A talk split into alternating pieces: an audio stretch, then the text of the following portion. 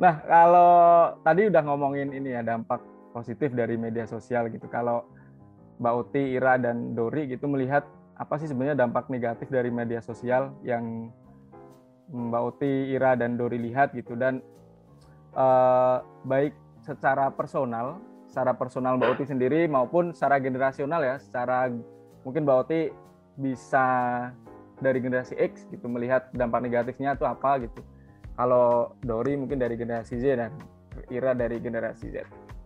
Boleh? Silahkan mau siapa dulu? Oke, aku dulu kali ya. Boleh, boleh Mbak Uti. Negatifnya itu kalau kita udah nggak bisa kontrol berapa lama yang kita habiskan untuk scrolling di sosial media.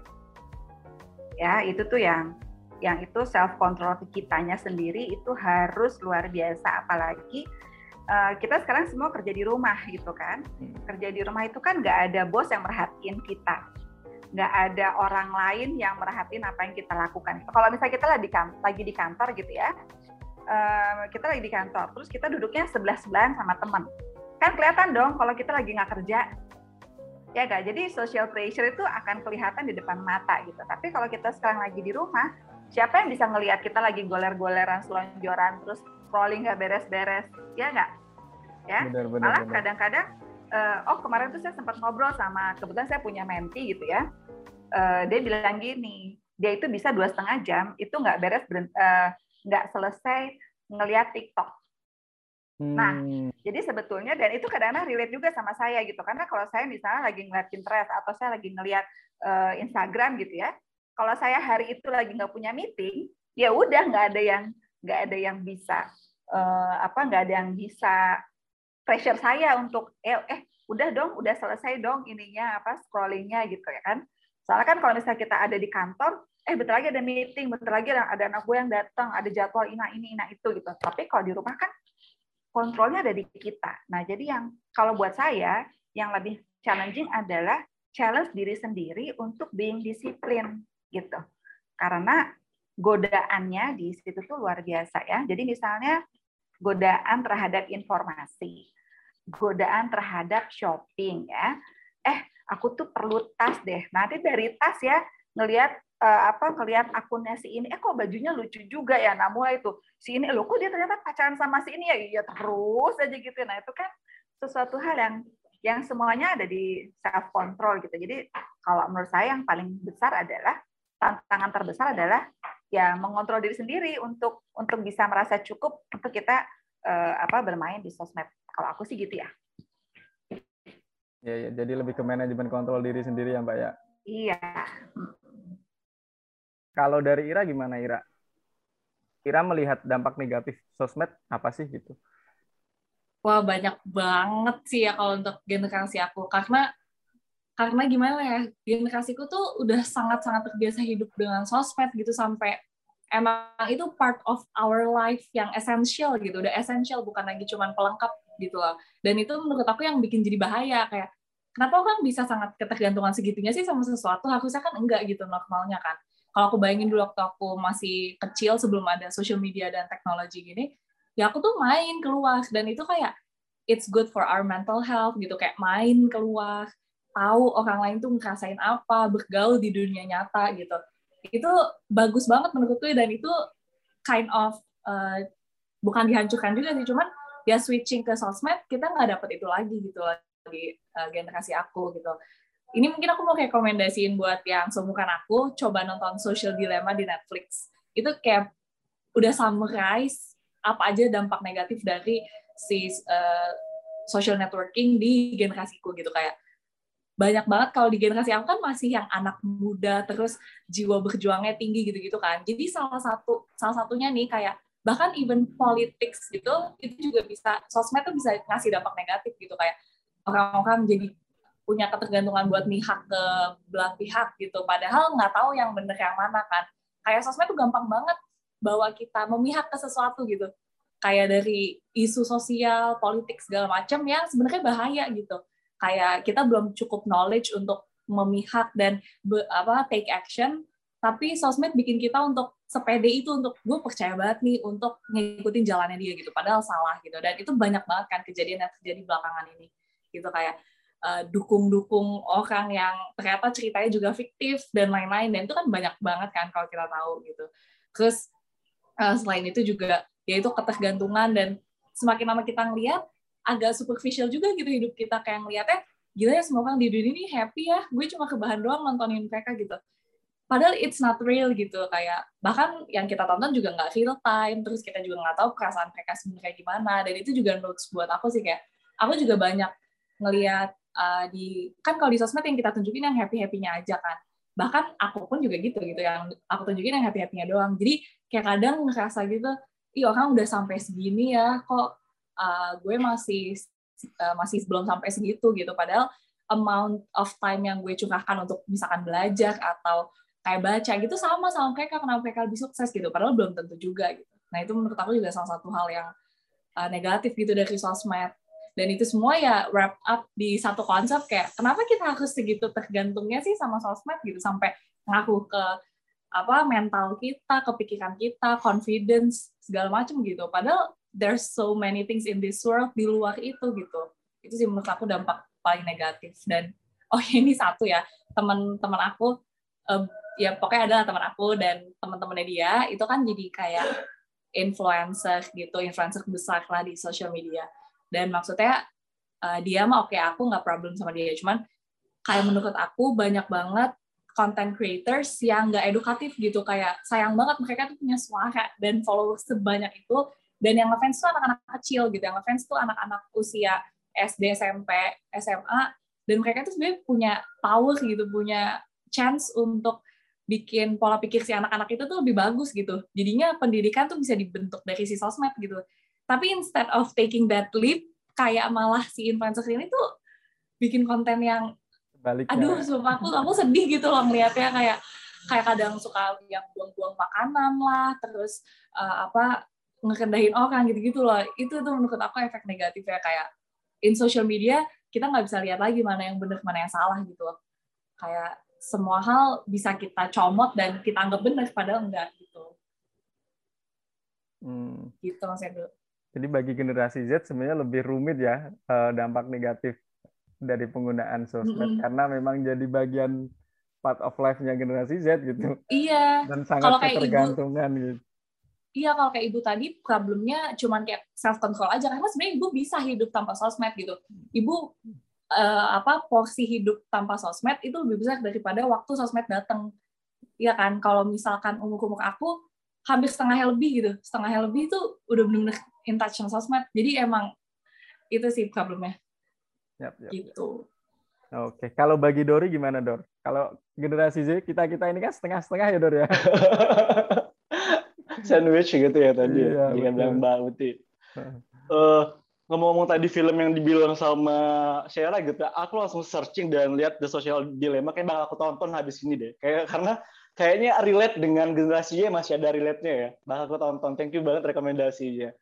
Kalau di generasi apa ya dampak negatif mungkin hampir sama dengan yang disampaikan uh, oleh Om Bauti dan uh, Ira gitu karena ada di tengah-tengah.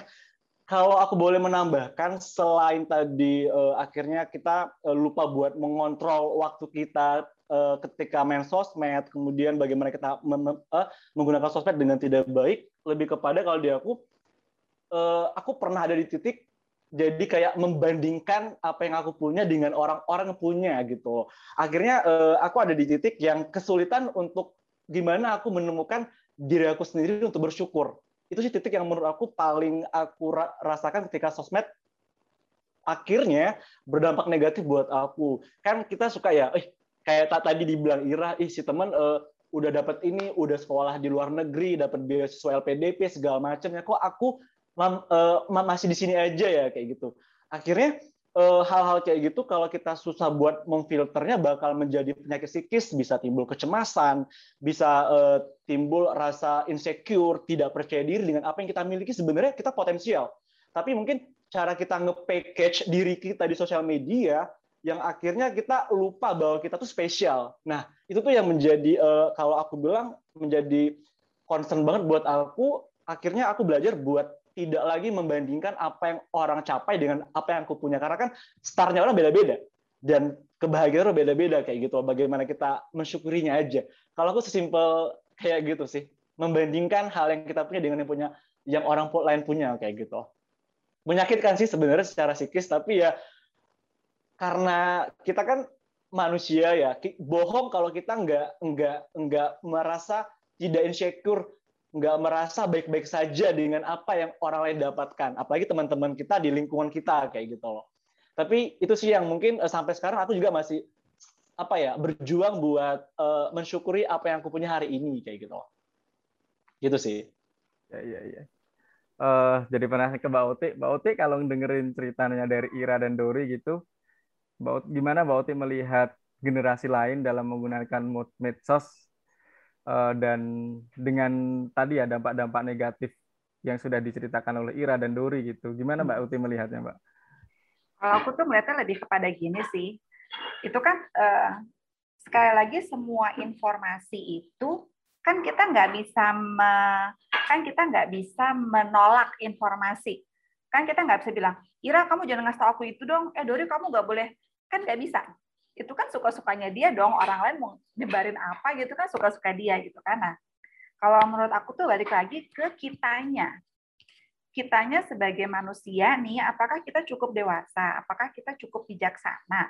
Apakah kita bisa punya kontrol yang memang benar-benar ada di dalam uh, uh, apa kemampuannya kita, gitu. Nah, kalau misalnya, kalau saya sih ngeliatnya gini, kalau kita dewasa, kita akan bisa melihat bahwa, oh, ketika seseorang itu sukses, itu tuh kan kayak gunung es suksesnya kan di ujung.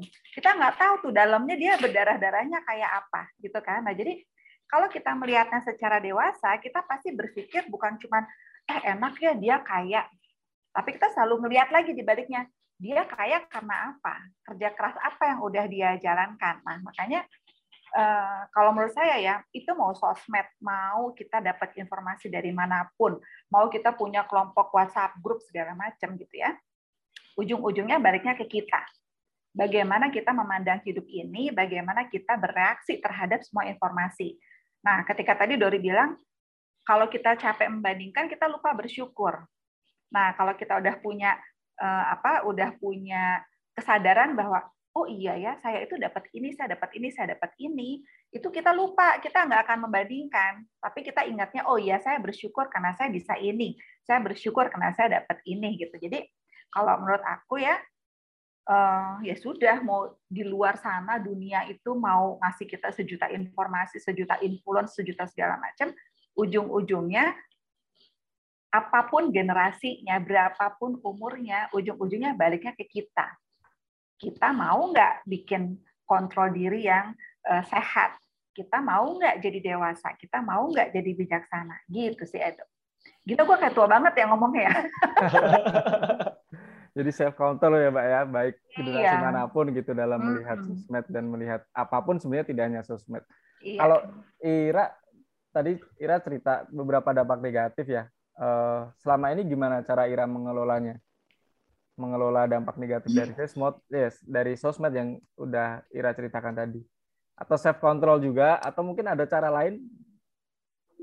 Iya, self control tuh salah satu faktor yang terpenting juga sih. Aku bisa apa bisa bersyukur bisa nggak ngelihat uh, di luar sana tuh udah sampai mana gitu. Kayak aku limit juga waktu untuk aku main sosmed sih. Makanya aku tuh sekarang sedih sebenarnya aku udah pengen pause Instagram. Kadang ada momen-momen kayak emang udah capek banget kan main sosmed. Cuman kerjaanku tetap harus buka. Jadi ya udah aku limit diriku sendiri aja kayak udah tahan-tahan jangan, jangan lanjutin lagi gitu. Terus uh, selain itu aku aku tuh bersyukur karena privilege juga aku tuh kuliah gitu. Aku kuliah aku punya pendidikan yang bagus.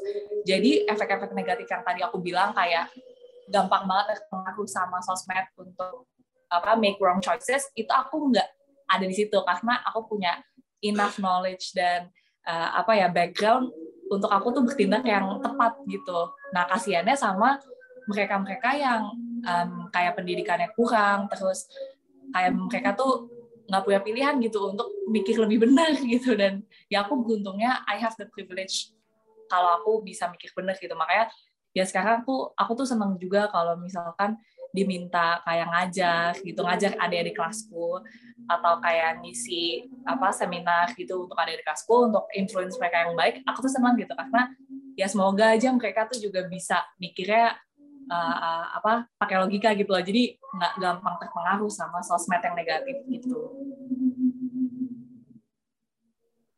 Kalau Dori cara ngelolanya gimana Dor?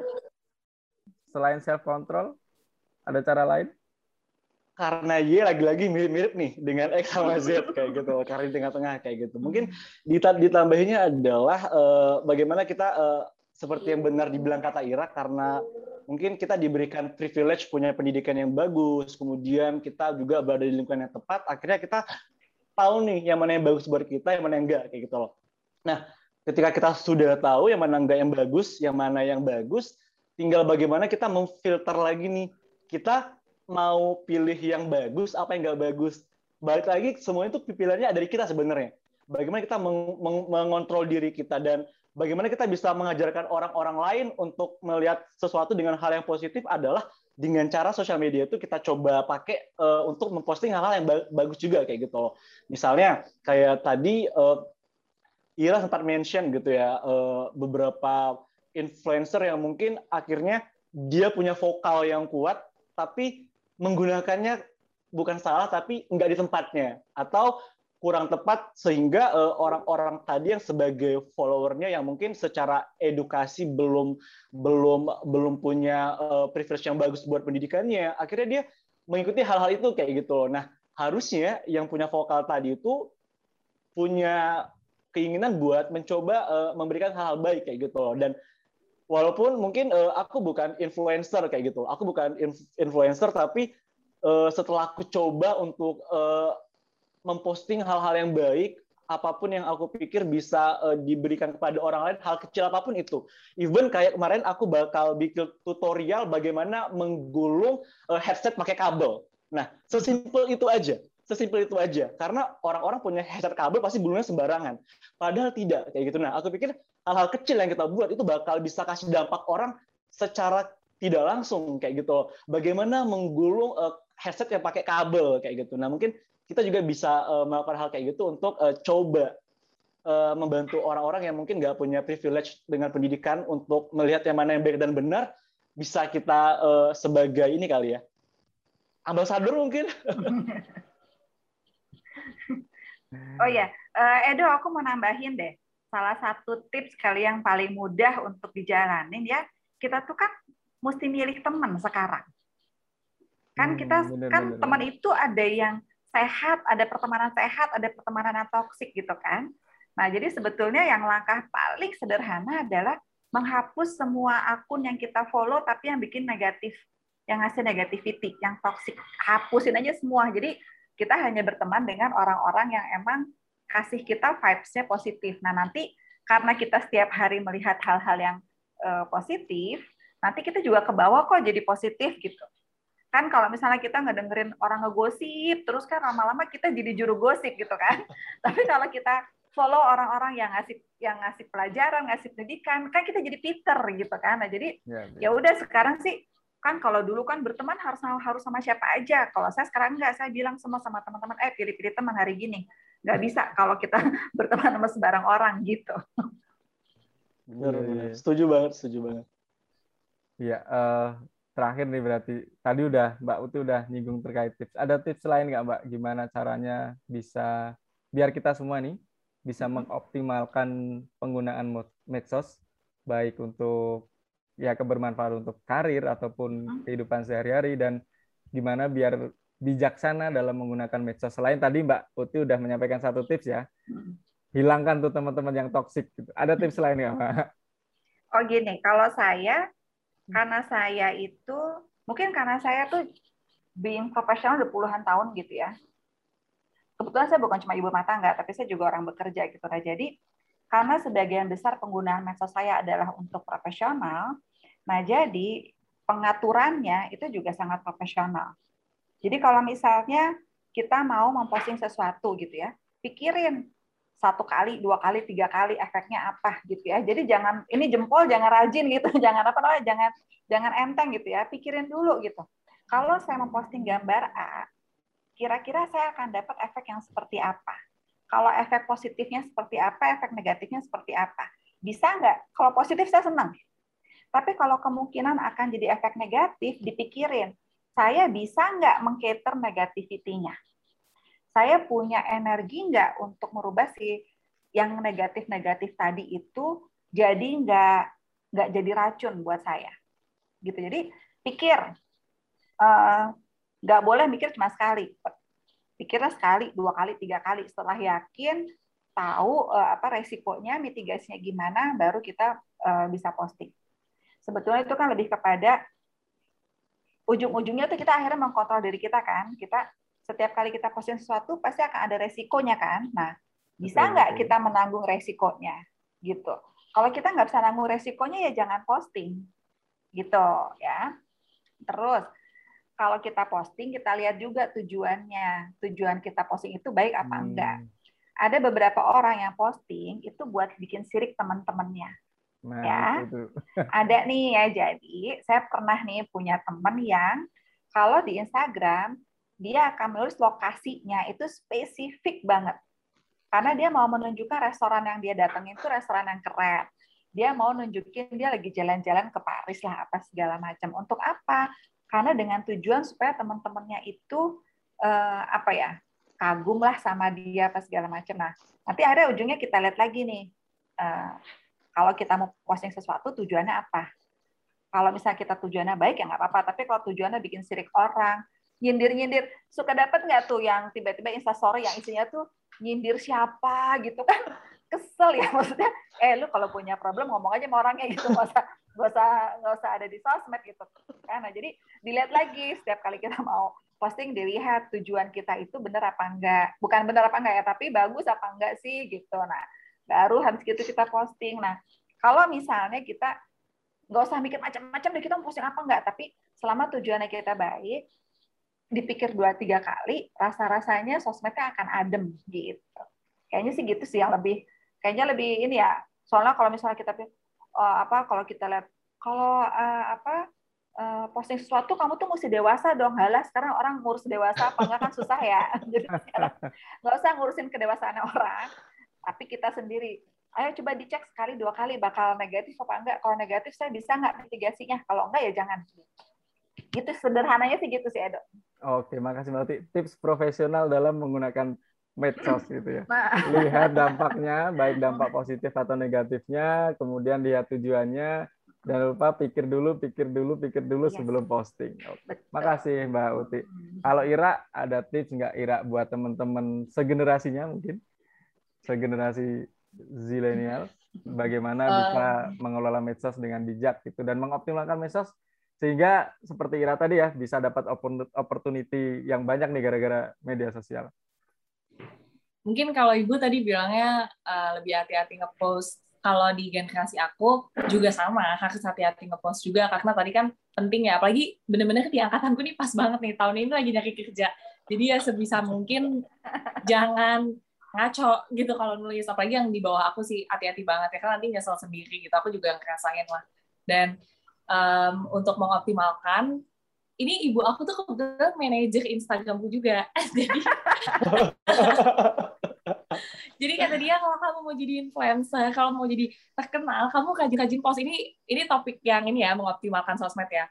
Mungkin ya, harus emang harus rajin-rajin ngepost supaya sebenarnya sosmed itu kan kayak panjangan tangan dari kita siapa kita gitu loh. Jadi makin lama kita apa keluarin tuh ke sosmed kita tuh orangnya siapa sih kita sukanya apa kita uh, bisa bikin apa aja segala macam itu makin banyak orang yang tahu uh, kita tuh gimana gitu orangnya. Dan itu the best way tapi tetap harus genuine gitu. Jadi uh, kata ibuku sih kalau orang-orang dan audience di sosmed itu suka ketika kita jujur gitu. Kita tuh genuine waktu ngasih konten jadi kita nggak pura-pura pura-pura baik pura-pura jadi suka apa padahal in real life nggak kita jalanin.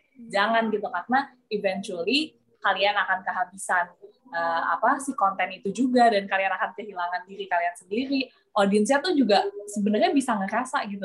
Ini orang tuh ngomong-ngomong kayak gini sosmed sebenarnya emang beneran ngelakuin atau enggak sih? Sebenarnya beneran passionate atau enggak sih gitu? Mungkin itu juga sih kayak aku kan emang sebenarnya suka banget fashion kan kalau finance ya kebetulan aku finance graduate aja. Cuman kalau secara passion aku mah suka banget di fashion gitu. Jadi uh, aku rutin ngepost tentang um, fashion fashion gitu. Karena aku juga happy ngelakuinnya. Dan ternyata ya opportunities aku datang spot on di tempat di mana aku ngeluarin si passion aku itu gitu. Jadi ya tips buat yang mau mengoptimalkan uh, sosmed kalian ya be genuine terus rajin-rajin aja ngepost apa yang kalian suka asal jujur dan positif gitu Oke, okay. genuine dalam uh, konten yang di-share dan rajin-rajin ya. Iya. Oke. Okay. Kalau Dori gimana Dor? Ada tips nggak Dor? Lagi-lagi generasinya bingung ya, karena sudah diwakili sama X sama Z nih, semua jawabannya benar. Uh, yang jadi hal itu adalah benar kata uh, Mbak Uti dan Ira tadi, bagaimana kata Ira tadi kita bisa jujur dengan uh, diri kita sendiri ketika kita di sosmed uh, mungkin aku lebih kepada bagaimana kita mengoptimalkan sosmed ya karena tipsnya tadi sudah dijawab oleh um, Mbak Uti dan Ira lengkap banget dan aku nggak tahu mau jawab apa lagi terkait dengan tipsnya. Kalau terkait dengan mengoptimalkan, aku setuju sama Ira adalah bagaimana kita bisa uh, melakukan menunjukkan hobi yang kita suka. Kenapa bisa jujur? Aku contohkan aja kali ya. Aku tuh orangnya suka mm, suka menulis di Instagram. Aku posting di Instagram bukan karena fotonya, tapi karena uh, caption yang aku buat. Mungkin kalau Edu lihat sosmednya, Edu pasti lihat setiap caption panjang-panjang banget kayak gitu ya. Itu adalah semacam uh, aku suka menulis dan aku suka menceritakan apa pun yang aku pikir bisa kasih orang inspirasi sekecil apa pun. Lagi-lagi itu dan akhirnya uh, itu juga yang membawa aku kemarin sempat ada yang nge-DM uh, minta dibuatkan satu tulisan dengan dibayar lumayan waktu itu hanya buat caption doang dan aku pikir wah ternyata uh, tanpa kita sadari uh, apa yang kita hobi menjadi hobi kita dan kita coba post di sosial media kita itu bakal memberikan dampak positif lagi-lagi dampak positif nih kayak gitu. Makanya kalau teman-temanku di sosial media lihat Instagramku pasti mereka tidak lihat fotonya tapi captionnya yang sepanjang-panjang itu. Karena aku suka curhat orangnya, curhat dan tulis tuh. tulis tulis kayak gitu. Mungkin itu jadi salah satu langkah ya buat bagaimana kita bisa mengoptimalkan sosial media kita di jalan yang benar kayak gitu loh. Atau di jalan yang tepat biar orang-orang akhirnya bisa apa ya bisa jujur dengan dirinya sendiri kayak gitu karena ketika kita tidak jujur tuh akan sebenarnya mempersulit diri kita. Bener banget. Dulu aku pernah terjebak di situasi itu.